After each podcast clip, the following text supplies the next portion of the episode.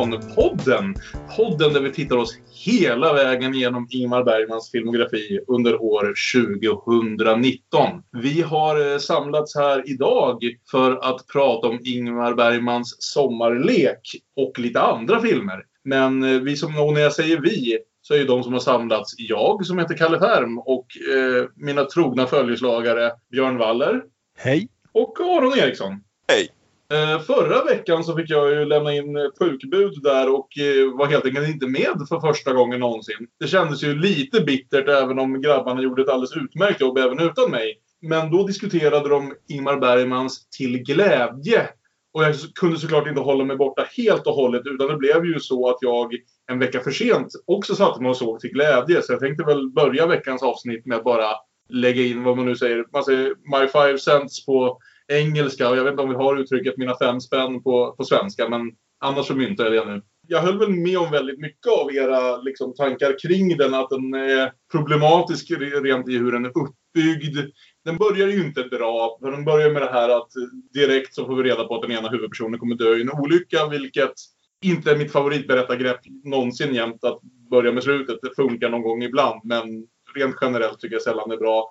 Sen så är det extra problematiskt just att avsluta en berättelse med en olycka. Och sen sprängdes hon. Det är liksom inte baserat i karaktär eller någonting. Olyckor för min del hör hemma antingen i början eller möjligen i mitten av historier. När de används för att avsluta en historia blir liksom bara lite tafatt. Så, så långt var jag helt med Sen så var jag lite glad över det här när jag insåg att, att Birger, Birger Malmsten och Stig Olin, att det bara kändes som att de hade bytt roll i den här filmen. Till skillnad från, från alla tidigare Bergman-filmer vi har sett. Där Stig brukar få vara den lite sjaskigare, mer, inte skurkaktiga alla gånger, men lite mer, vad ska vi säga, moraliskt tveksamma karaktären. Och Birger brukar vara vår moraliskt ja, vad, vilket ord är jag ute efter? Vår moraliskt, vad heter det? Moraliskt medveten. Exakt, vår moraliskt medvetna hjälte som kämpar mot sina egna problem i alla fall och försöker ta itu med dem. Så det var kul att svinga om det för en gångs skull. För det, hade man sett de tidigare filmerna så hade man ju väntat sig att de hade skulle ha bytt roller i den här. Det tyckte jag var jättekul. En annan höjdare var ju såklart Viktor Sjöströms insats som var glädjespridande varenda gång han var med. Samtidigt som jag önskade mig kanske lite mer av den karaktären. Han spelade ju aldrig faktiskt någon egentlig roll i historien. Han påverkade liksom inte det som hände utan han fick här och där kommentera lite på vad de gjorde. Men det var ändå alltid jättefint och kul att se honom. Sen så är det ju intressant det här att det så tydligt är en film av Bergman om Bergman.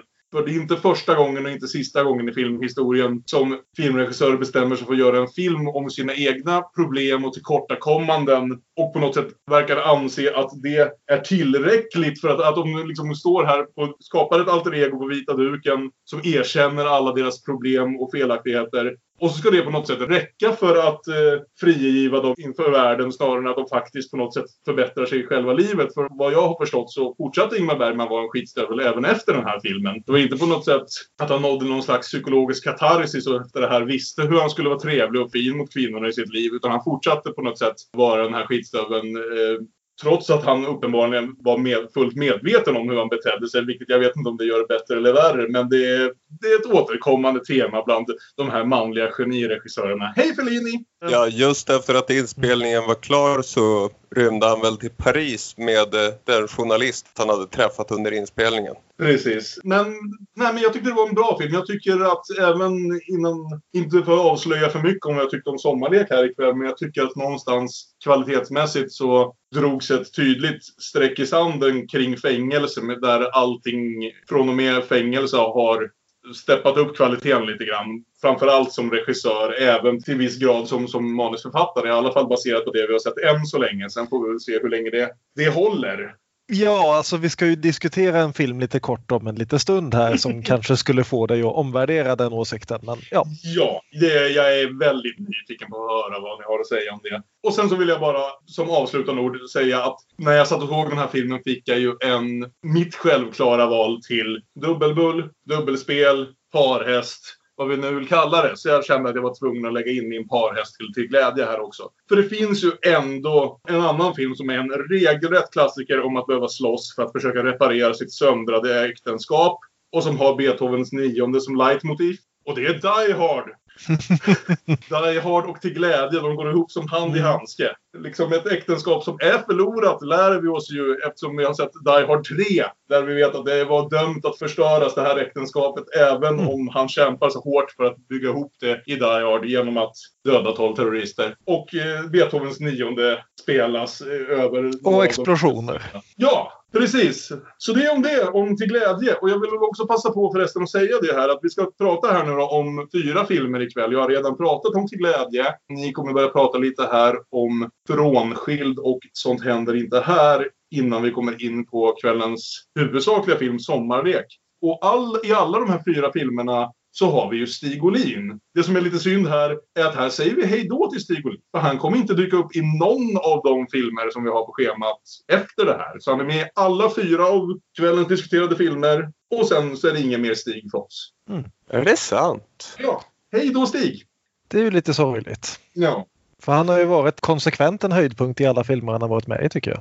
Han är en sån här skådespelare som otroligt liksom, man bara kan inte ta ögonen av honom även när han onekligen tenderar tangera överspelet i vissa av rollerna. Nej, han har varit en, en, en riktig höjdare, vår gode Stig. Mm.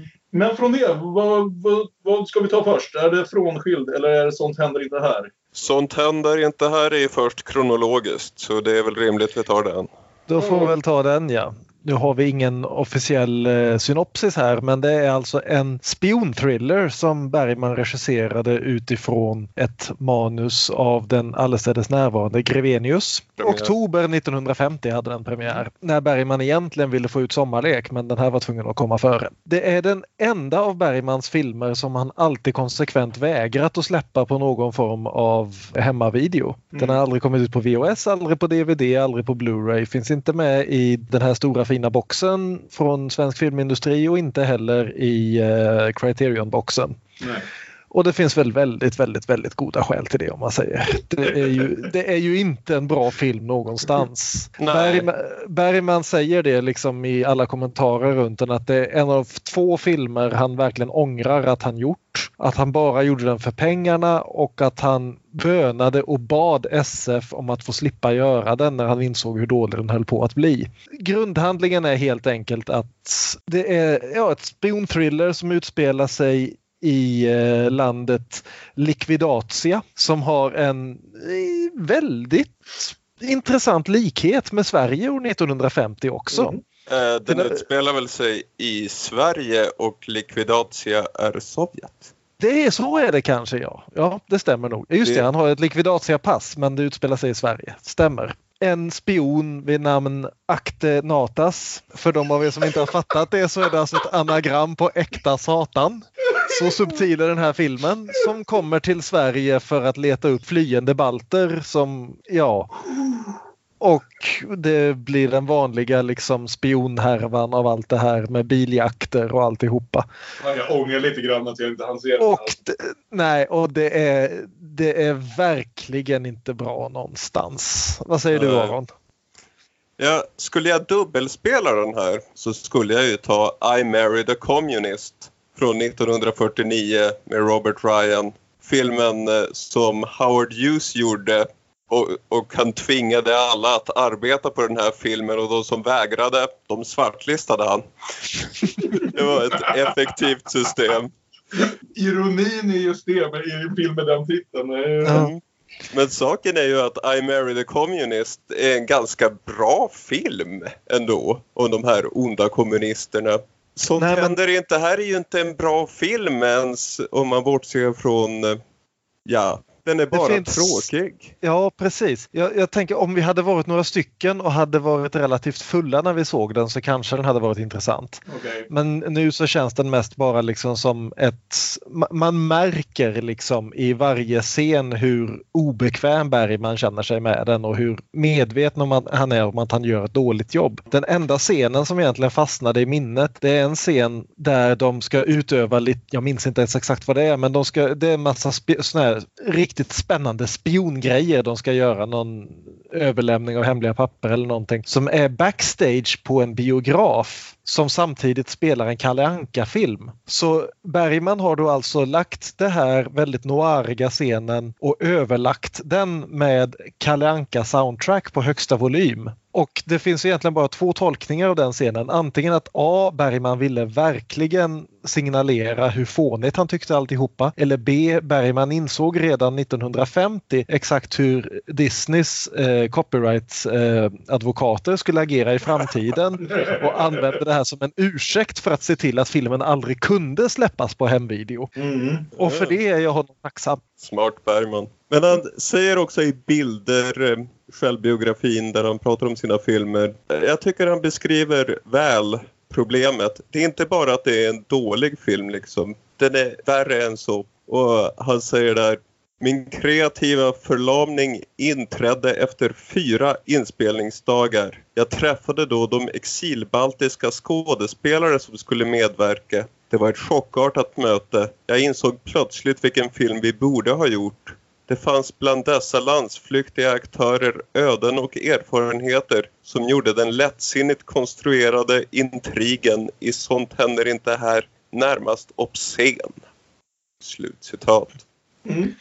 Och det är just det att som en film om Sovjets fasor liksom så är det obscent ytligt där. Och det, är, det, det är inte ens liksom bra ytligt utan den är virrig och tråkig och allmänt, det är liksom huvudpersonen dör, sen är han inte död, sen, ja, och det är bara väldigt förvirrande. Jag, jag, jag kan bara konstatera att i slutet av filmen så förekommer det en båt som då ska föreställa att komma från staten Likvidatia som har det väldigt ryskklingande namnet Mrofnimok Gadyn som då enligt IMDB är tänkt att vara Grevenius lilla pik till Ny Dag, tidningen. Mm att den då skulle vara ett Sovjetorgan, det vill säga Kominform, ny dag.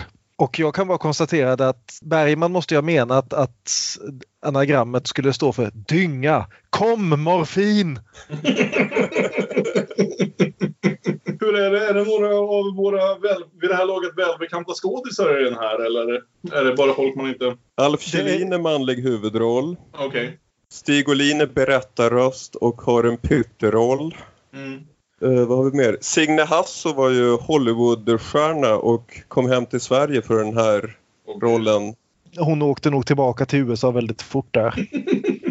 ja, det låter ju inte som att jag missade sådär jättemycket samtidigt som jag inte kan låta bli att vara lite så här intrigued av vad som låter som det närmaste Bergman har kommit en genrefilm någonsin. Det vet jag inte om jag håller ja, med om. Men det, men det närmaste Bergman har kommit en kalkonfilm någonsin. Ja. Vi har ju konstaterat att Bergman är en sjujäkla thrillerregissör när han så önskar. Mm. Men sånt händer inte i den filmen. ja, det kanske räcker så om sånt Jag är glad att vi slipper gå igenom den scen för scen för hade blivit mest suckar. För det är ju inte, oftast inte ens roligt dåligt utan bara suck. Mm. Ja, men det kanske var ett klokt beslut från vår och de här DVD-box-skaparnas sida. Men den finns på Youtube för den som är intresserad. Ja, det är bra att veta. Ja, men då så. Så vi går vidare till nästa film med de här korta kortgenomgångarna. Mm. Ja, Frånskild från 51. Regisserad av Gustav Molander som ju tidigare regisserat manusen Kvinna utan ansikte och Eva från Bergman. Och det här var ett Herbert Grevenius-manus där Bergman gick in och hjälpte till. Till skillnad från vår huvudfilm idag, Sommarlek. Mm. Som var ett Bergman-manus där Grevenius gick in och hjälpte till. Ah, ja. Men eh, det är ju Bergman med två av sina läromästare här, Grevenius och Molander. Och det är en eh, trevlig film. Det handlar om eh, en kvinna spelad av Inga Tidblad som eh, hon är frånskild hennes man, spelad av Holger Lövenadler, som vi tycker om, mm. lämnar henne. Och ja, hon är väl närmare 50 och alla hennes vänner tröstar henne med att nu behöver du ju inte bry dig om kärlek och sånt längre för det är du för gammal för. Men hon är inte riktigt redo att lägga det på hyllan och startar en spännande romans med den unge och oerhört vackre Alf Kjellin. Så det är intrigen i den filmen. Och det är en Ja, det är en trevlig liten såpa med många andra bekanta ansikten. Stig Olin har en liten roll. Doris Svedlund som vi såg i fängelse, Hjördis Pettersson. Ja, Ja. the usual suspects. En trevlig film. Kan man gott sitta av en och en halv timme med när man Mm. har tid. Ja men fint. Ja, men, eh, de, de små sammanfattningarna av tre andra filmer för oss väl hela vägen fram till kvällens huvudsakliga ämne. Ingmar Bergmans Sommarlek från 1951. Eh, som vanligt så tänkte jag väl börja med att läsa ett synopsis ur regi Bergman. Kvaliteten på de här synopsisen har ju gått lite upp och ner till den graden att vi någon gång till och med var tvungna att hitta ett alternativt sådant därför att det helt enkelt inte stämde överens med vad som faktiskt hände i filmen. Men den här gången så får det väl ändå anses habilt korrekt. Balettdansösen Marie tänker tillbaka på en idyllisk sommar i skärgården tillsammans med sin första kärlek Henrik. När Henrik plötsligt dör i en olycka isolerar hon sig och hamnar under sin farbror Erlands dåliga inflytande. Hon lyckas bearbeta sitt förflutna genom att läsa Henriks dagbok och kan gå vidare med ett nytt förhållande. Ja, det är väl mer eller mindre det som händer i filmen. Den är lite Mm. ibland lite... Det kan jag tycka att även filmen är. Jag hade lite problem ibland med även hur den här filmen berättades i att den inte är väldigt tydlig i exakt när vi gör tidshopp hit och dit. Och ibland var jag lite smått förvirrad. Men jag tror också det kan ha varit lite jag och där, där jag var sinnesmässigt när jag såg filmen. Ibland var jag lite så här, vänta i, i vilken tidsålder höll jag på att säga. I vilket, i vilken, hur gammal ska hon vara nu? Var är vi nu i berättelsen? Eftersom hon hoppar lite fram och tillbaka. Mm. Jag tyckte Maj-Britt Nilsson eh, så spelar huvudrollen var så totalt olika i sina två roller som, som ung och fortfarande ganska ung, Mm. men inte lika ung. Så, Nej, jag- så det hade jag inget större problem med. Nej, det, jag tror det var högst personligt från min sida. Och, Jag hade lite större problem med att köpa just Birger Malmsten som 18-åring men ja, vi kommer till det. Det, det är absolut min, min huvudsakliga nästan kritik mot den här filmen. Så, eh, Men lite allmänt eh, först innan vi går in på en närmare diskussion. Vad tyckte ni om det här? jag tyckte väldigt mycket om den faktiskt. Jag tycker nog det är den bästa filmen förutom Hets som vi har sett hittills. Mm. Jag skulle väl säga att om jag träffade en tidsresenär från 1946 och skulle förklara för dem. Ja men vet du, vi ägn- ska ägna ett helt år åt Ingmar Bergman. Och han sa Ingmar Bergman, den jävla klåparen. Han som gjorde Kris. Varför då? Då skulle jag nog börja med att visa honom sommarlek tror jag. Mm. Ingmar ju Jag, nu sa jag honom för jag utgår för att eh, det skulle bara vara en man som skulle tillåtas resa, tidsresa från 1948. ja, till och med Ingmar själv har sagt här någonstans i någon av texterna här runt om så läste jag att han ansåg det här var hans käraste film. Och det kan man någonstans förstå för den känns ganska personlig. Det känns som en film från hjärtat. Jag skulle vilja säga att det med ganska god marginal är den varmaste film han har gjort hittills. Demonerna och ångesten som alltid kryper ju fram men han tenderar att ha han har mindre förakt för sina huvudkaraktärer den här gången. Mindre fördömande saker att säga om dem skulle jag säga. Framförallt om vår huvudroll Marie. Som han verkar hålla väldigt kär. Och, och det, det, det liksom skiner igenom. Jag tycker också att det är en av de absolut bästa filmerna jag sett. Vi skulle kunna säga, eftersom jag drog det där strecket i sanden, att det är en av de tre bästa filmer jag tycker han har regisserat hittills. Tillsammans med, med Fängelse och Törst. Du då? Jag tycker till glädje ett steg ner där alltså. Jag har inte riktigt hunnit. Den känns lite mindre egen. Jag har väldigt, det är nog väldigt personligt men det finns väldigt, ehm, det finns saker som, som både fängelse och törst gör som jag inte riktigt har fått i någon annan film. Medan jag känner att Till glädje är ett ganska bra exempel på den sortens film som jag ändå på något sätt har fått även från, från andra människor i filmhistorien. Men jag tycker Till glädje på det största, stora hela var ganska lyckad film. Och jag håller fängelse och till glädje som de som är lite över bland de man har regisserat hittills. Sommarlek, inte riktigt där uppe. Mm. Men eh, ja, kanske en tredje plats. Jag har Ja. inte funderat så noga. Men då var vi ju tråkigt nog väldigt överens igen. Nu kan vi inte Äh, Björn var ju extra positiv. Ja, precis. Men, men det låter jättefint. Båda är Vi andra är mer ljumt positiva. Ah, Det är kontrovers med Demonpodd Matt.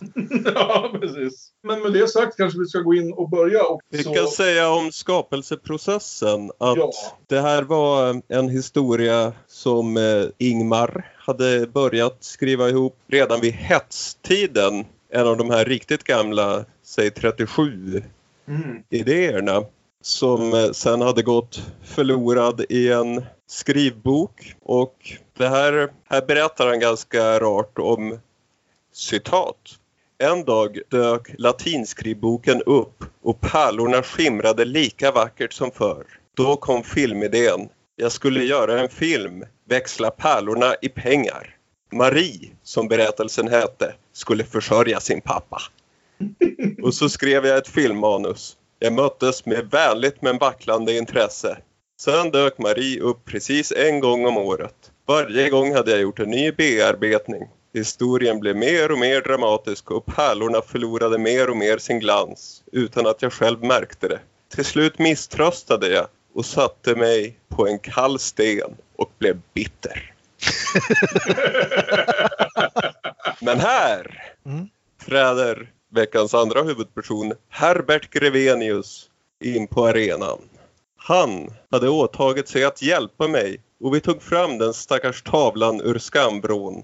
Varsamt men bestämt tvättade han bort alla lager som kommit dit, all påmålning under åren. Småningom fanns den ursprungliga bilden där. Till min egen gränslösa förvåning såg jag då hur mycket vackrare och renare den första historien var. Och nu gällde det att under Grevenius stränga överinseende restaurera och binda samman. Dagar som pärlor, runda, glänsande, trädda på gyllene tråd. Dagar till bredden fyllda av lek och smek. Nätter i vakna drömmar. När sov man? Inte fanns det tid att sova. Och det känns ju också att det är, han behöver inte ta ut... Vi tyckte att han hade taggat ner på till glädje men han behövde ändå lägga in det supermelodramatiska pang boom Mm. och förstöra. Här så, ja det kommer ju en ond bråd död här också men Ja, men, men, det, det, Men- men- jag tycker det Jag, jag tycker det fungerar mycket bättre i den här filmen. För här, Ja. här istället, eh, den har ju samma form som eh, Till glädje. Det är att den börjar med en flash forward och sen så är det större delen av filmen en flashback. Det är inte riktigt lika uppdelat i den här och sen så slutar vi i flash forwarden igen. Men här tycker jag det balanserade mycket bättre. Det, det är liksom att när vi ser här liksom vad som faktiskt händer tio år senare så balanserar det ut en del av grejerna som kunde vara irriterande med flashbacken. Så om vi börjar på själva handlingen så börjar det ju med att vi får träffa vår huvudperson Marie, spelad av Maj-Britt Nilsson, som är balettdansös och inte längre en av de yngre balettdansöserna trycks det fast väldigt tydligt här i öppningsscenerna att hon är, börjar närma sig de 30 och har kanske inte så många år kvar som inte ens prima ballerina utan ballerina.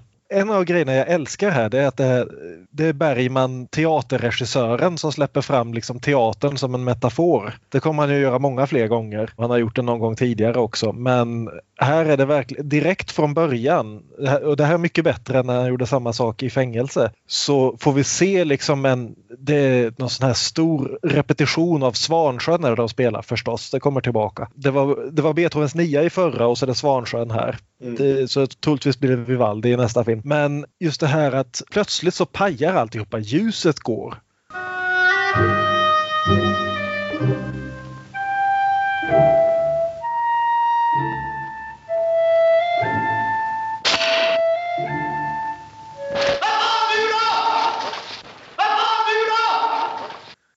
Mi- Mitt i det här fina. För, för liksom visa att det här är en illusion. Det här är folk som jobbar. Du ser liksom ballerinor som sitter och röker i, i full smink och alltihopa och liksom försöker få fötterna att funka efter tio års dansande. Och, ja, cigaretten och ballettklänningen i kombination tyckte jag var en underbar bild. Mm. ja, precis. Och även här, precis som i fängelse, så är det ju stackars farbror Melker som måste gå och fixa allt det här när det går åt helvete.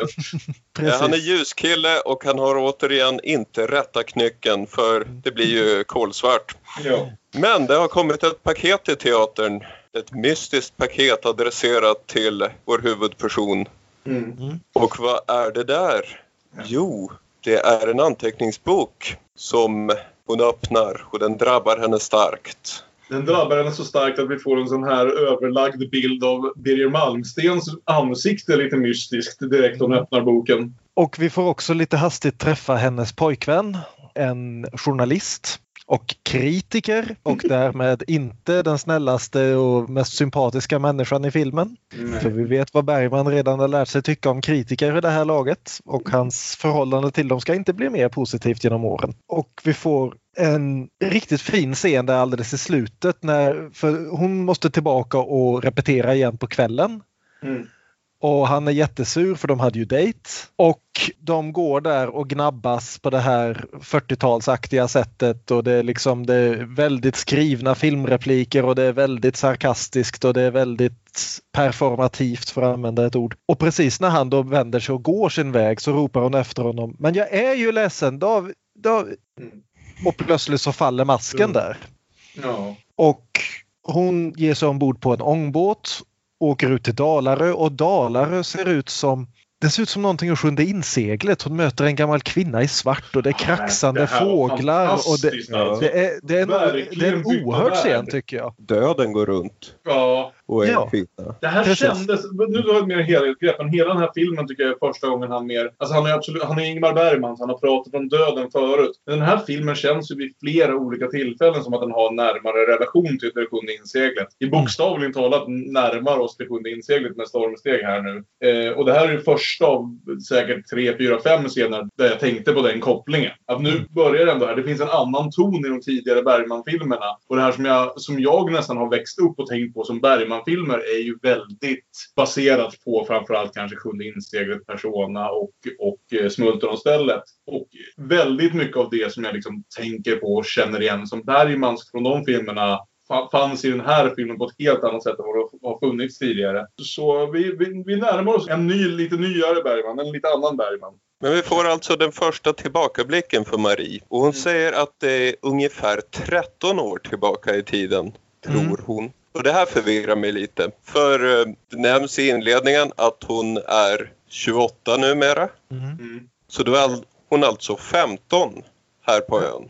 Här har vi ju svårigheten i att använda samma skådespelerska. Vilket jag tycker är ett väldigt bra val annars. Det är en av de bästa skådespelarinsatser vi har sett i en Bergman-film än så länge vill jag påstå. Maj-Britt Nilsson här som, som Marie. Så det behövs för att filmen ska fungera, att hon ska klara av att spela Marie i båda de här åldrarna. Men det är också lite mer svårköpt i och med att det är väldigt tydligt att nu har inte jag exakt koll på hur gammal hon är när hon spelar den här Mm. rollen. Hon var 24. Ja, okej. Hon är ändå inte äldre än så. Nej, men men eh, Mm. det känns Och- ändå som att det hade kunnat senare läggas några år. Men det kanske är, i och för sig finns en poäng i det att hon absolut inte är vuxen. I Ja.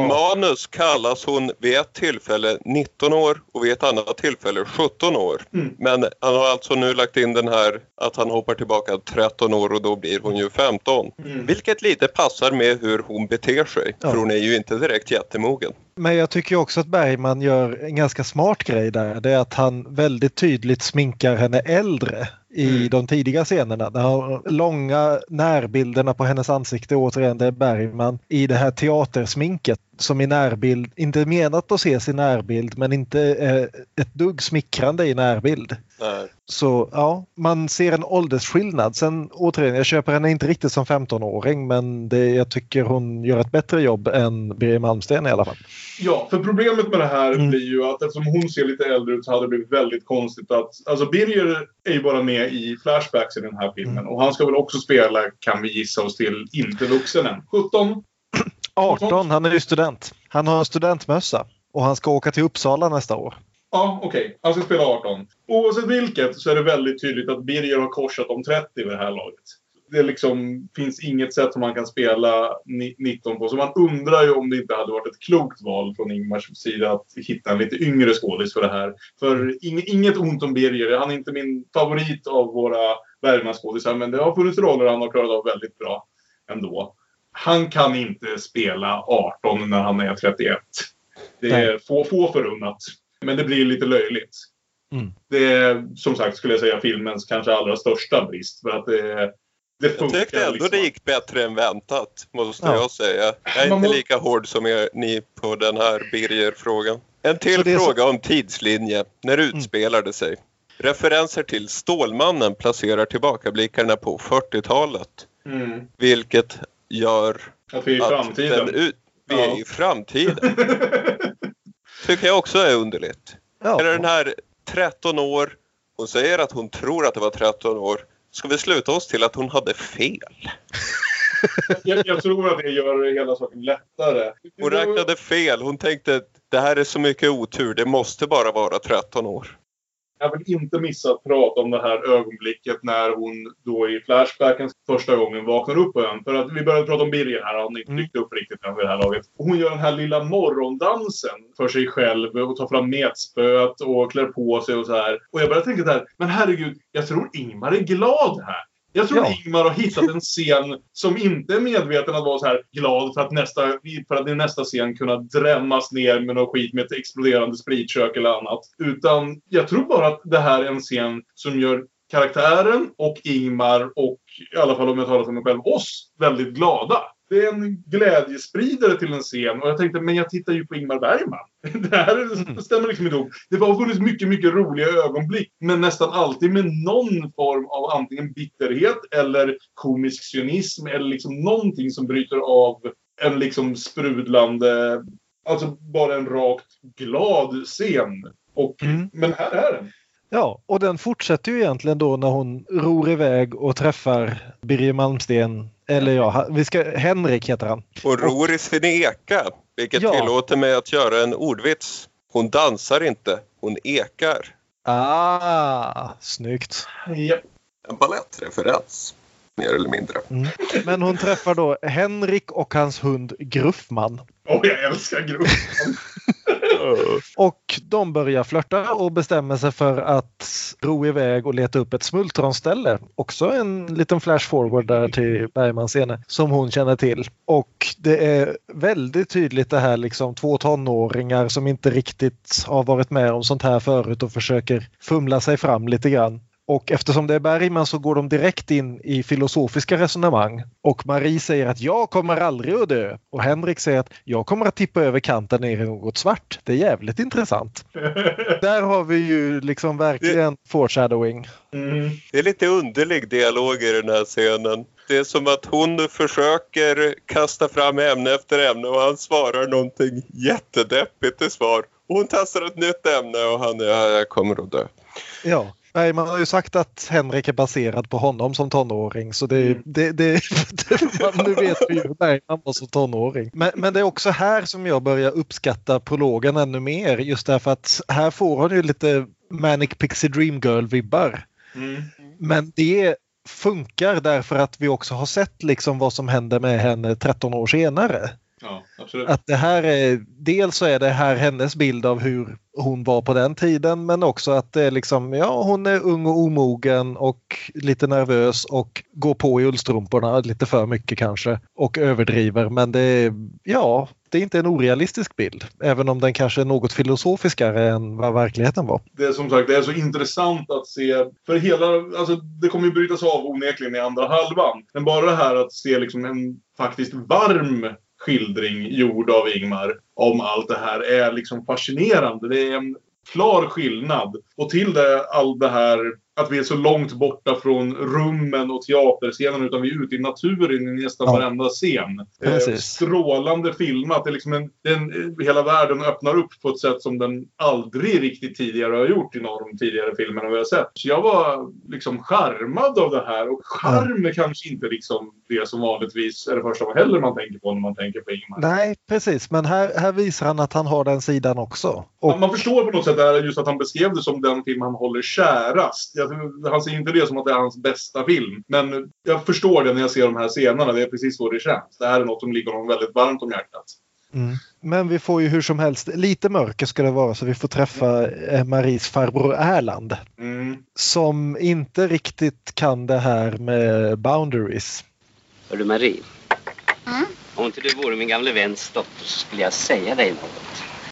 Och då hör till saken att farbror Erland är väl närmare 60 än 50. Ja, det skulle jag tro. Den gode farbror Erland var ju kär i, i Maries mamma när det begav sig. Men sen gick mamman och dog så han tänker nu tar jag dottern istället. Mm. Och det är ju en sund reaktion. Speciellt när hans fru är där också. Marie flörtar tillbaka där, för hon, hon vet inte riktigt hur hon ska hantera det där. Det är roligt hur när eh, farbror Erland och Marie sitter och har sitt lite halvflörtiga hur Henrik tittar upp bakom busken. Mm, Ja, Det är kanske den bredaste humorn vi någonsin...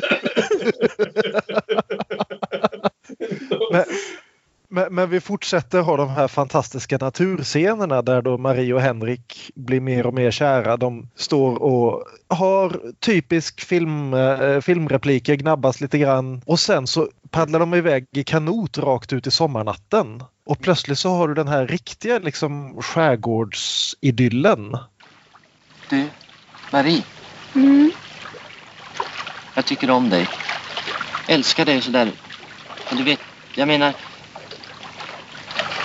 Men du kanske tycker att det är darrigt. Egentligen är jag nog en jädrans idiot. En jädrans reka. Hur känns det? Vadå? Ja, du sa ju att du var kär i mig. Du sitter i bröstet och drar i magen. Och så har man som äppelmos i knäna. Och alla tårna vill läggas ovanpå varann. Men mest sitter i bröstet. I hjärtat? Ja, jag vet inte. Hur känns det själv? Jag är väl inte kär i dig. Nej, det var så sant. Jag tror att det sitter i skinnet. Jag vill att du ska ta på mig. Stryka mig över huden med händerna. Det sitter i skuldrorna och i armbågen.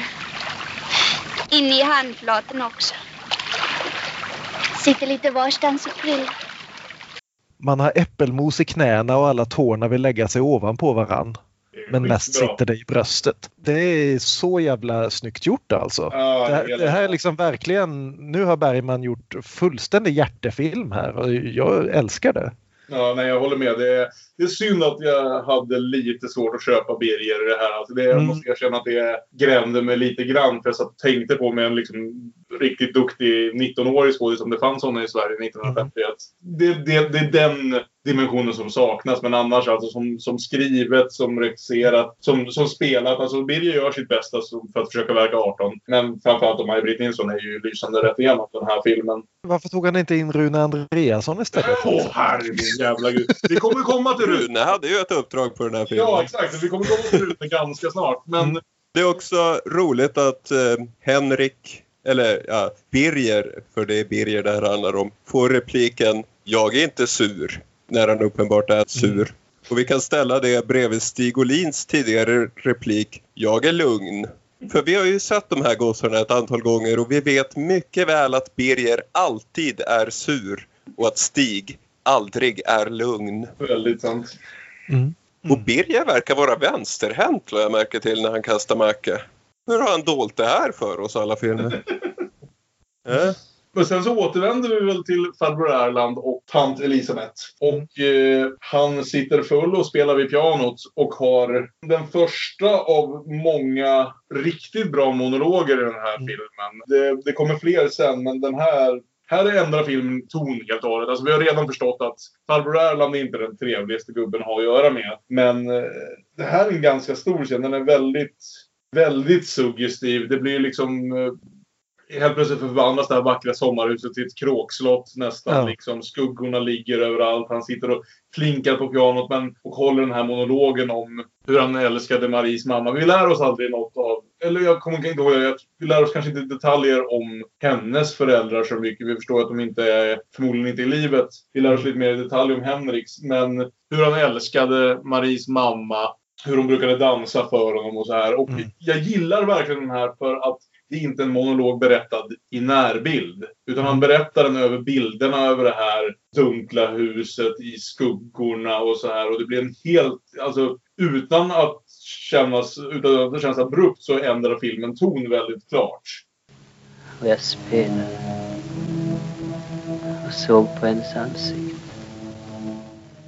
Och undrade om jag var i verkligheten eller utanför. Om det som var runt omkring mig, flygen och golvet, om det var det overkliga. Månskenet och musiken. Det enda verkliga, det som var påtagligt.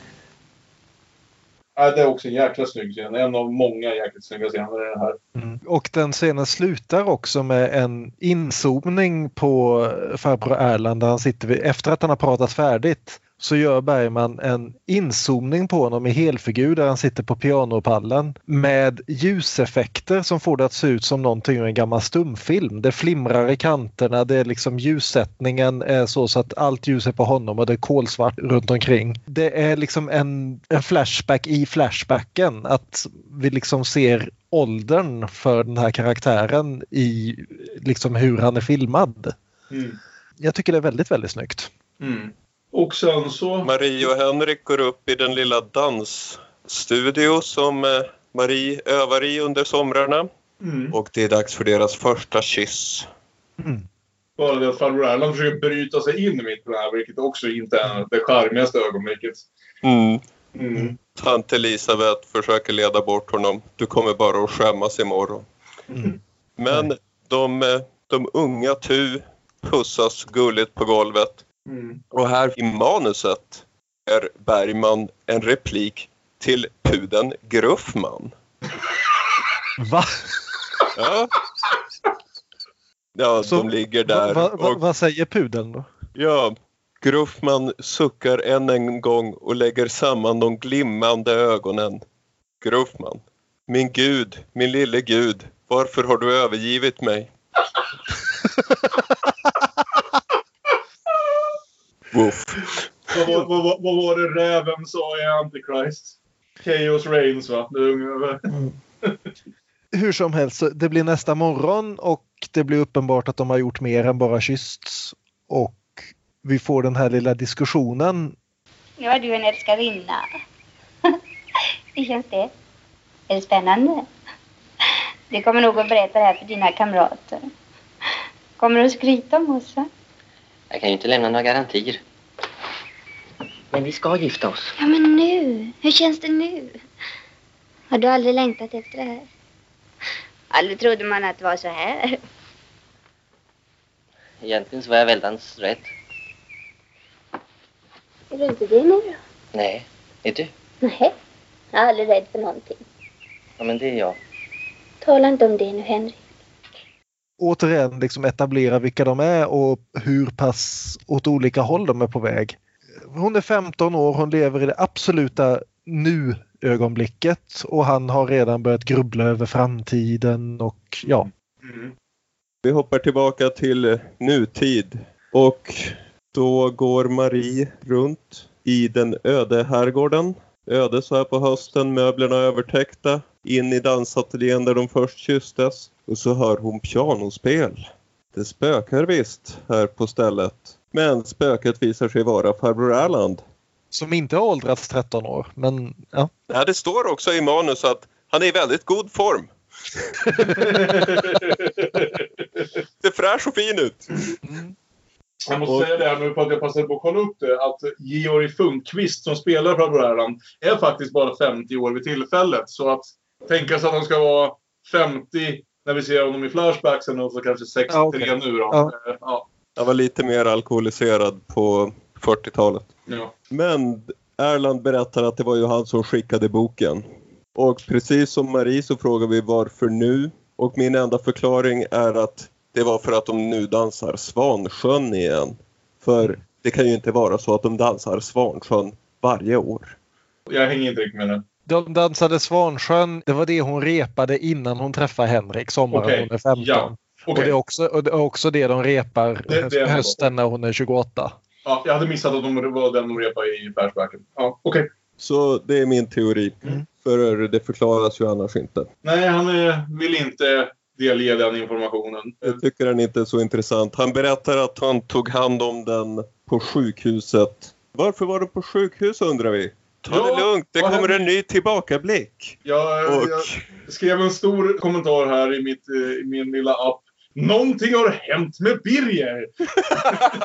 Ja. ja, Men hur som helst så går vi tillbaka till sommaren 13 år tidigare.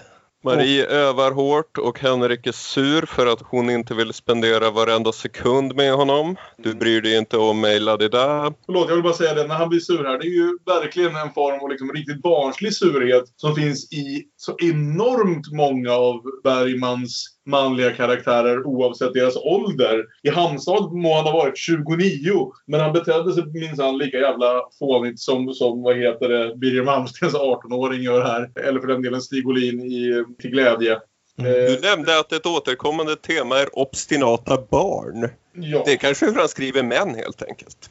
Ja, vissa typer av män. Antingen översittare eller liksom, de, i alla fall de som ska vara hans huvudsakliga unga älskande. Hans självporträtt. Ja, Hans alter egon. precis. Han får ut någonting där. Han ser tillbaka på sig själv kanske och försöker fördriva den här jävla... Det vet vi ju alla, att det finns inget som känns mer jobbigt än när man verkligen börjar tänka tillbaka på tonåren och tänka på hur man förmodligen faktiskt betedde sig. Och det är frågan om det Fuck, försöker you fördriva. had to go there. Det är nog det Bergman försöker fördriva med alla de här otroligt barnsliga unga männen. Mm. Men hur som... Marie letar upp Henrik hos... Eh, Henrik bor hos sin faster, en kvinna med mustasch. Mm. Som... Eh, Hänger med prästen för att hon snart ska dö. mm, Ja, och prästen som vi också har träffat lite hastigt tidigare är som präster äro i Bergman-filmer Mm. en riktig, riktig inställsam skitstövel. Och här var en av de, kanske den allra tydligaste kunde inseglet tanken som slog mig är ju när han säger att han, att han umgås då med, med eh, Henriks döende fastor därför att, att sällskapa med henne är som att sällskapa med döden själv. Sitter pastorn här av kristlig pliktkänsla så är jag ruskigt imponerad av den kristliga pliktkänslan. Sitter här av rent yrkesintresse, min gosse. Hur då? Ja, löjligt den kan låta så har jag en egendomlig känsla av att jag sitter här och sällskapar med döden själv. Det är ju mycket givande ur yrkessynpunkt betraktat. och vad gör man när man träffar döden? Man spelar schack. Ja, Och, och där sitter hon och spelar schack. Och hon, även hon här, alltså som sagt fa- fastern, som jag vill säga är den här kvinnan som vi först såg när hon gick i land. Det är det. ja det är ju precis. döden själv. Mm. Precis. Är ju ett i mängden av Bergmans excentriska äldre kvinnor. De har vi ju redan haft ett par och kommer ha ett gäng till. Eh, Trots en väldigt, att hon bara har en enda väldigt kort scen där hon faktiskt har repliker så eh, är hon kanske den som sticker ut allra mest hittills. Henrik ska ärva mig och rätteligen borde jag vara död för tre månader sedan, säger professor Rosenberg. Herrens vägar, Herrens vägar, fru Karl Jag har nämligen kräfta i bröstet. Fast de säger att den som vill äga sitt liv, han ska mista det. Men det är lögn. eh, Vinna sitt liv. Mm, det är lögn i alla fall. Jag tycker om att leva. Därför kommer jag överleva er allesammans. Det är också kära Henrik. Och här har vi intressant information om henne. Mm. Eftersom hon är så uppenbart symbolisk och, eh, well, hon är döden. Och hon hade det ovanliga efternamnet Kallvagen. Så var jag tvungen att googla detta namn. Vad är symboliken? Och det visade sig vara Ingmar Bergmans mammas släktnamn. Ja! Så vad gör vi med den informationen? Jag vet inte, men Men hur som helst så eh, Marie och tillbaka Henrik... till lekstugan. Ja, precis. De flyttar in i den här lekstugan, eller Muminhuset som jag tänker på det. Och vi får en riktigt söt men också underlig scen där de sitter och lyssnar på jazz och tecknar på omslaget. Tecknar en liten tecknad film. Det är ju så magiskt, alltså bokstavligen talat eftersom det är uppenbarligen Ja. något som inte kan hända. Men också alldeles fantastiskt i och med det. Ja, Och jag för oss ju tillbaka till Evert. Därför att vem har ritat den här lilla animationen? Det är Rune Andreasson, den begivande Ah. serieskaparen. Mm. Så han, det eh, är det förstås. han gör sitt hattrick Bergman-filmer. Mm. Men, men det är liksom, det är både en väldigt söt scen men också väldigt förebådande just det här att det, de försöker rita sig själva som två lyckliga i ett litet Muminhus. Och överallt så dyker då farbror Erland och prästen och farmor upp i bilden också. Mm. Det vill säga dö, döden och prästen och vuxenheten eller creepiga äldre män eller vad vi ska tolka det som. Hela den här scenen tycker jag är så väldigt fin när de liksom sen lägger ifrån sig det här och konstaterar vad tyst det blev. Vi kanske hamnat på en annan planet. Och det, ja. Och då, det finns ett eko i ljudet, i ljudspåret här också, som också återigen kunde insegla ett smultronstället. Ljudarbetet är strålande i den här filmen. Alltså, Eller hur? Mm. Jag tänkte på det flera gånger. mm. Mm, Och apropå ljud så hör vi en uv ropa ut i natten. mm. Och vad vet vi om... Well, the owls are not what they seem. Nej. Och Marie får här framföra Bergmans tes om att själen sitter i magen. Ja. Och det gör ont i magsjälen. Mm. Henrik tror det beror på äppelkart men jag förstår inte sånt här som kvinnor och Bergman gör. Nej, men den här uven berättar ju nästan för oss direkt att nu är vi nära den här vändningen som vi har förstått måste komma eftersom vi har varit i framtiden och sett när hon får Henriks dagbok och så vidare. Ja. Och my- mycket riktigt så är det väl nästa scen som de ska ut och bada. Jag vill bara påpeka en replik till här från den här väldigt fina scenen i Muminhuset. Alldeles innan de börjar prata om Stålmannen också så säger Marie till Henrik när de förlovar sig lite symboliskt där. Svär att du aldrig kommer att titta åt någon annan flicka. Då kommer tänderna och näsan och fingrarna och annat att svartna och falla av. ja, Mm. Men sen som sagt, hösten kommer. Det är dags att åka tillbaka till stan snart. Skiljas åt. Han ska till Uppsala och plugga. Hon ska tillbaka till balletten. Men hon behöver åka och bada först. Mm. Och eh, vi har ju förstått att någonting måste hända Birger eftersom farbror Erland pratar om att han fick dagboken efter att han har varit på sjukhuset och så vidare. Och Birger får famous last words. Nu ska du få se på ett snyggt hopp! Och sen slår han ihjäl sig mot klipporna. ja. Ja. Eller han slår Ja. inte ihjäl sig men han blir väldigt illa skadad. Han kan själv släpa sig upp men Mm. sen så är det uppenbart att han är körd. Yes. Och vi, vi får en scen på sjukhuset som återigen, apropå ljudet, sättet Bergman använder tystnaden i de scenerna är Ja. det, det är liksom det går från en sjukhusscen där, man ska säga, det, det måste vara den lataste läkaren i filmhistorien. Alltså, alltså Henrik vid något tillfälle vänder på huvudet och blir liggande med öppna huvuden. Läkaren kommer in, tittar på honom och drar ner ögonlocken och förklarar att han är död. Och det, han säger inte ens att, att han är död, han bara drar ner ögonlocken. Det är den enda liksom, dödförklarelse man behöver göra i Sverige 1949. Men just det här liksom kolla pulsen, ge hjärt och lungräddning, gör någonting. Lite Ja, dramatisk. men- Vi gissar att han har legat där ett tag och det var uppenbart att han var bortom all räddning. Ja, precis. Och det är också då så farbror Erland stoppar på sig hans dagbok. Så man undrar exakt hur den kom med till sjukhuset men Eller hur? ja, Den var i, ba- den var i badväskan. Ja precis. Vi kan säga det. Ja. Marie svänger förbi ballettrepetitionen. Stig Olin som vanligt ger 100 procent. Men Marie är desto dovare. Mm. När hon går ut från den här repetitionen, hon går rakt mot kameran igen. Ljudet Mm. är som ett susande och Mm. det här med Bergman och ansikten är ju någonting ja, absolut. vi kan Ja. nämna Ja. många gånger. Och sen går hon in där i bilen med Erland och i bilen igen ny close-up på Marie. Så man följer hennes, ja, hennes sorg med de här. Närbilderna. Och sen väl i Erlands lya, antar jag är, Mm. så får hon då sin monolog där hon förbannar Gud. Jag tror inte Gud finns. Om han finns så hatar jag honom. Jag ska inte sluta med det. Stod han framför mig så skulle jag spotta honom i ansiktet. Jag ska hata honom så länge jag lever. Och jag ska inte glömma bort det. Jag ska hata honom ända tills jag dör. Och Erland svarar För Marie, man kan bara göra en sak. Skydda sig. Mura omkring sig. Skydda sig så att inte allt djävulskapet kan nå en. Jag ska hjälpa dig. Jag ska hjälpa dig att mura omkring dig.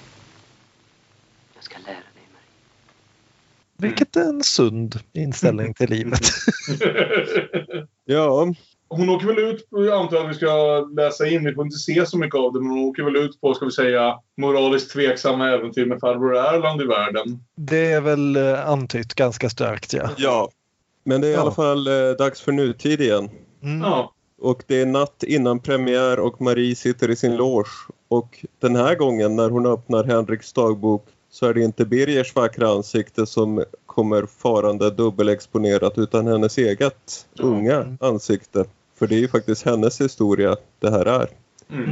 Och nu har hon, well, vad kallar man det, internaliserat den här sorgen. Återupplevt det genom att läsa dagboken. När det Precis. Och genomgått alla de här minnena precis som när vi har fått se dem. Och valt att stanna innan de gick in på för mycket Erland-detaljer. För det är väl inte vad, vad den här historien ska fokusera på. Nej, det var resultatet av, av skiten, inte Mm. upphovet till den. Hon skräms av ett ljud och det är Stig Olins ballettmästare Mm. som är sminkad till elak trollkarl som rör sig i kulisserna. Mm. Och de sätter sig och har ett samtal, ett riktigt bra samtal. Alltså, jag vill säga så här. Att om det här är det sista vi ser av Stig i eh, Bergmans filmografi så är det ju ett helvete till avslut. Jag skulle vilja säga Ja. att det här är kanske den bästa monologen. Alltså det har varit många monologer vid det här laget, bara i de filmerna vi har sett. Det kommer vi ha många kvar. Det här är kanske den bästa monologen hittills. Mm. Eh, både som skriven och som levererad. Stig gör ett jäkla arbete här. eh, Trots att som sagt han är sminkad till oigenkännlighet. Men eh, rösten bär och äh, åh, det här var så jäkla bra. Tror inte jag begriper, kära Marie. Du vågar inte sminka av dig. Du vågar inte vara sminkad. Du vågar inte gå härifrån och du vågar inte vara kvar. Vet du att man ser sitt liv klart en enda gång? Att alla skyddsmurar man byggt upp omkring sig faller ner. Man står där naken och frysande och ser sig själv precis som man är. En enda gång. Ingen vidare upplyftande syn, eller hur? I det ögonblicket vågar man varken leva eller dö. Jag kan notera att skillnad från manus, innehållet i det här utbytet de två emellan Mm. spelades i voiceover med Marie och hennes framför spegeln. Och det var någonting han piffade upp genom att Mm. lägga in. Balettmästaren har nästan ingen roll i manuset så det var någonting han la till. Okej. Han säger det här om att då kan man varken sminka eller sminka av. Varken vara på teatern eller ge sig av därifrån. Och ja, slutligen varken dö eller leva i det här ögonblicket. Mm. Och man kan ju jämföra framåt Persona som vi har nämnt. Där både att tala och att tiga är lika förljuget.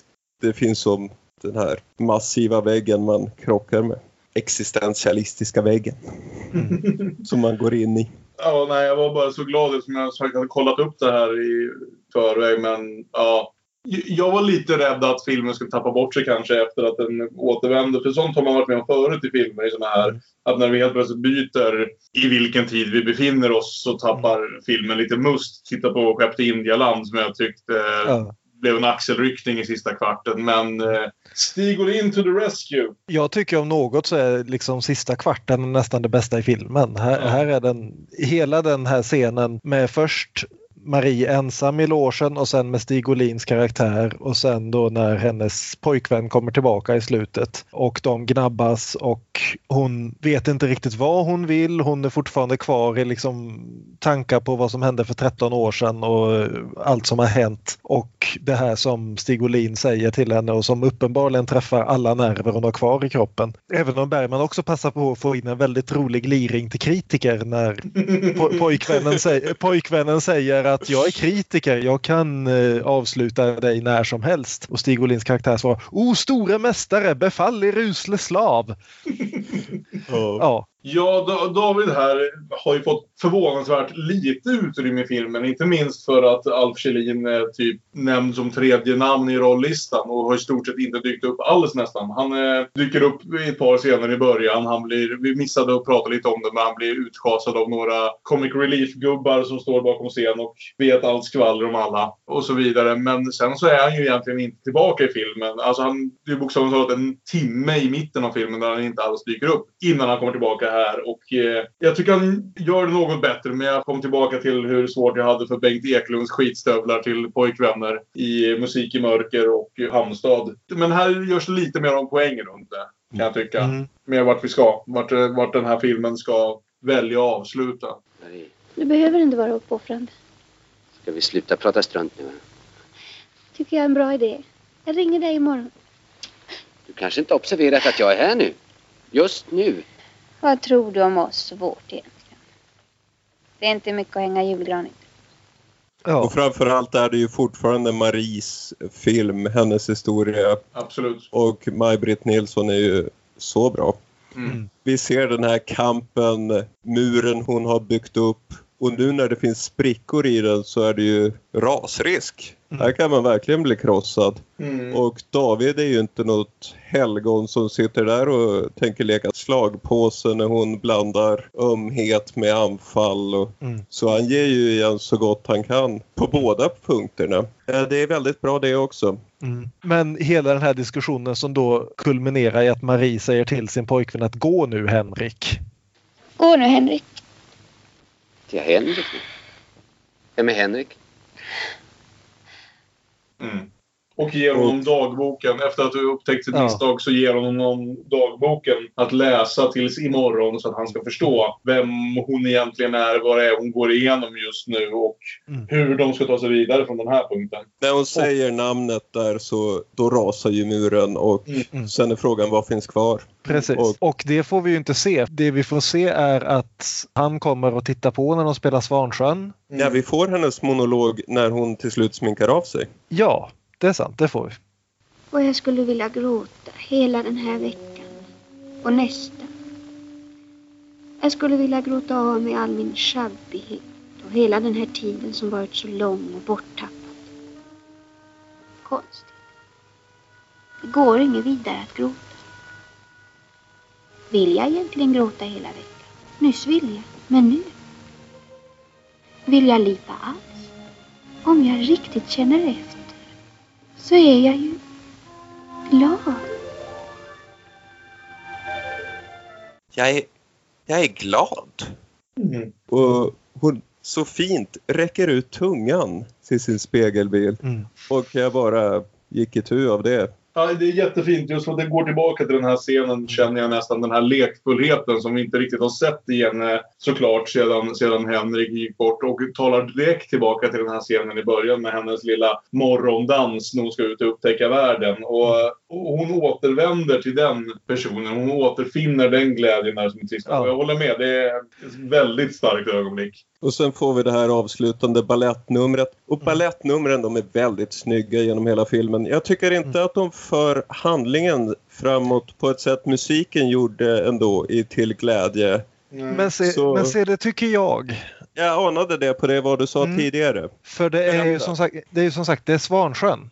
Handlingen i Svansjön, väldigt kortfattat, är att vår hjältinna förvandlas av en, ung, av en ond trollkarl till att bli en svan. Det vill säga att vara en svan må vara fint och det, du kan dansa och du kan flyga och alltihopa men du kan ju inte vara en människa och du kan ju inte älska och bli älskad. Så hela handlingen är ju att försöka få henne att sluta vara en svan och jaga bort den här onda som tar hennes plats istället. Och poängen är att slutet i Svansjön det finns två, minst två slut av Svansjön därför att i originalslutet så dör hon och hennes älskade i finalen och tas upp till himlen. Men efter urpremiären så var det många som tyckte att vi kan inte ha en ballett som slutar med att kärleksparet dör. Så väldigt många uppsättningar har skrivit om slutet till att hon blir förvandlad tillbaka till sig själv och att den onda trollkarlen får sitt straff och att de lever lyckliga i alla sina dagar. Så det jag tänker varje gång någon använder Svansjön som ett tema i en film, det har ju hänt några gånger, är ju liksom det, det är den här dubbelheten att vi vet inte vilket slut vi ska få när vi börjar se på Svansjön. Och vi vet inte helt säkert, om man bara lyssnar på musiken och bara ser ett enstaka dansnummer sådär, så vet man inte riktigt vilket slut det är de har spelat. Det är lite som en Little Shop of Horrors. Exakt! Den andra världsberömda musikalen med, Ja. där man varje gång för varje uppsättning får välja sitt slut. Nej, så jag gillar att den spelar upp liksom lite grann dubbeltydigheten i det här. Att hon måste stänga ner någonting men också öppna upp någonting och vi är inte helt säkra på vad som händer framöver och om det här är ett lyckligt slut eller bara ett vardagsgrått slut eller något som kommer att rasera henne fullständigt. Men det är i alla fall ett slut. Ja, Mm. Bättre än så kan vi knappast avsluta vår diskussion om Ingmar Bergmans Sommarlek. En film som verkar ha berört oss alla tre. Ja, Riktigt starkt tillskott i den Bergmanska filmografin. Och nu börjar vi närma oss den här punkten där, i alla fall för mig är det så, att kommer ganska snart komma till den här punkten där jag snart har sett fler filmer än vad jag inte har sett. Än så länge har vartenda, vartenda film nästan varit ny förutom Hets. ja, Ja. Från och med Sommaren med Monica så slår väl det över känner jag. Och det blir betydligt vanligare att det är filmer jag har sett än de jag inte har sett. Men med det sagt så knyter vi väl ihop säcken kring Sommarlek. En höjdpunkt än så länge. Och går vidare till vår traditionella... Ja, vad heter det nu då Aron? Dubbelbull, dubbelspel, parhäst, filmfest. Vem känner för att börja ikväll? Vem har en bra film att para ihop med Sommarlek? jag har en bra film. Ja, då så. Eh, Börja du. jag, jag vet inte om jag har en superkoppling.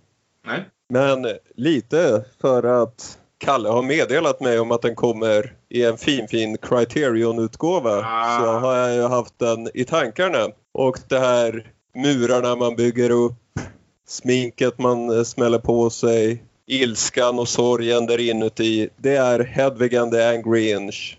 Av eh, regisserad och i huvudrollen Spelad James. Cameron Mitchell. Ja, John James Cameron Mitchell. James Cameron Mitchell jobbar på Avatarets följare. Jag la ifrån mig plattan tänkte jag, behöver jag den? Nej, det här kan jag. Av John Cameron Mitchell från, jag vill säga 2001. Jag tror det stämmer. Glamrock Mm. Och Med, där har vi också en eh, bokstavlig mur med eh, Berlinmuren. Mm. Och eh, ja, det här slutet med sminka av och sådär. Jag började ju nästan nynna lite på Wicked Little Town, reprisen från Hedvig. Så se den. ja, det är, det är en favorit. Fy fan vad bra den är. Du då Björn? Efter den här långa utläggningen av eh, Svansjön här Mm. Så måste jag ju egentligen säga Darren Aronofskys Black Swan från Mm. 2010. Det är inte bara det att det är en ballettfilm som utspelar sig under en föreställning av Svansjön utan den täcker in mycket av liknande, även om Natalie Portmans karaktär i Black Swan och Marie här är två väldigt olika karaktärer så är, tar den ändå upp mycket samma, just det här med den dominerande konstnärsmannen med pressen att bete sig på ett visst sätt, sexualiteten, alltihopa det här. Det, det är olika filmer men de använder samma tematik och samma soundtrack soundtrack uppenbarligen. Och jag tycker det vore intressant att faktiskt se dem back to back och se hur, hur olika de behandlar liknande ämnen. Så ja, jag säger den. Ja, jättefint. Eh, Jag fastnar väl lite mer vid, inte så mycket den här, vad ska jag säga, delen av filmen som utspelas på teatern utan snarare på den i skärgårdsmiljön och tänkte på ung kärlek i natursköna miljöer, eller bildsköna miljöer. Och grävde upp en Fäbodjäntan. Jajamensan! Nej, jag grävde upp en av mina gamla favoriter i Richard Linklaters Before Sunrise. Där Ethan Hawke och Julie Delpy lär känna varandra under en lång natt i Wien. Så pass väl att, det, att de sedan skulle träffas nio år senare och sen nio år senare igen i två ännu bättre uppföljare. Before Sunset och Before Midnight. Som tillsammans, i mitt tycke, en av de finaste och mest komplicerade kärlekshistorier som finns på film. Men eh, de blir mörkare allt, eh, allt eftersom filmerna går. Men det mesta i Before Sunrise är fortfarande så pass ljust. Med tillräckligt mycket inslängd, både filo riktig filosoferande och en del typisk tonårig kvasifilosofi. Att det känns ganska bergmanskt. Det är ungdomar som, liksom Aron, har försökt sig på filosofistudierna innan de gått och blivit kära i varandra. Det är en film som jag älskar och en, film som, en filmserie ska jag väl säga som jag alltid hoppas ska fortsätta. Så vi får väl se nu, 2022, kommer det komma en fjärde film. Mm. Det är då det är dags. Så Before Sunrise av Richard Linklater är min rekommendation den här veckan. Okej. Om, ja, det för oss väl till slutet av den här veckan. Den veckan när vi faktiskt lyckades diskutera inte en utan fyra Bergman-filmer. Så bra arbetat allihopa. Stark insats. Vi återvänder nästa vecka och ska prata om kvinnor som väntar i kvinnors väntan. Och då tror att vi då även ska få sällskap av vår kära vän och gode gäst Olof Ekström igen. Tills dess så kan ni nå oss på Damonpodden på Twitter och Instagram. Om ni söker på Damonpodden med Ä på Facebook. Eller försöker mejla oss på damonpodden gmail.com. Blir den första som gör så. Förutom antar jag lite spammail. Eh, Hur är det Aron? Har det skapats någon musik den här veckan? Eh, Det har skapats musik. Fint, fint. Då avslutar vi som alltid med en låt, en nykomponerat verk av Aron Alltid ny och fräsch popmusik i Demonpodden. Adjö. Ja. Adjö. Hej då. Hej.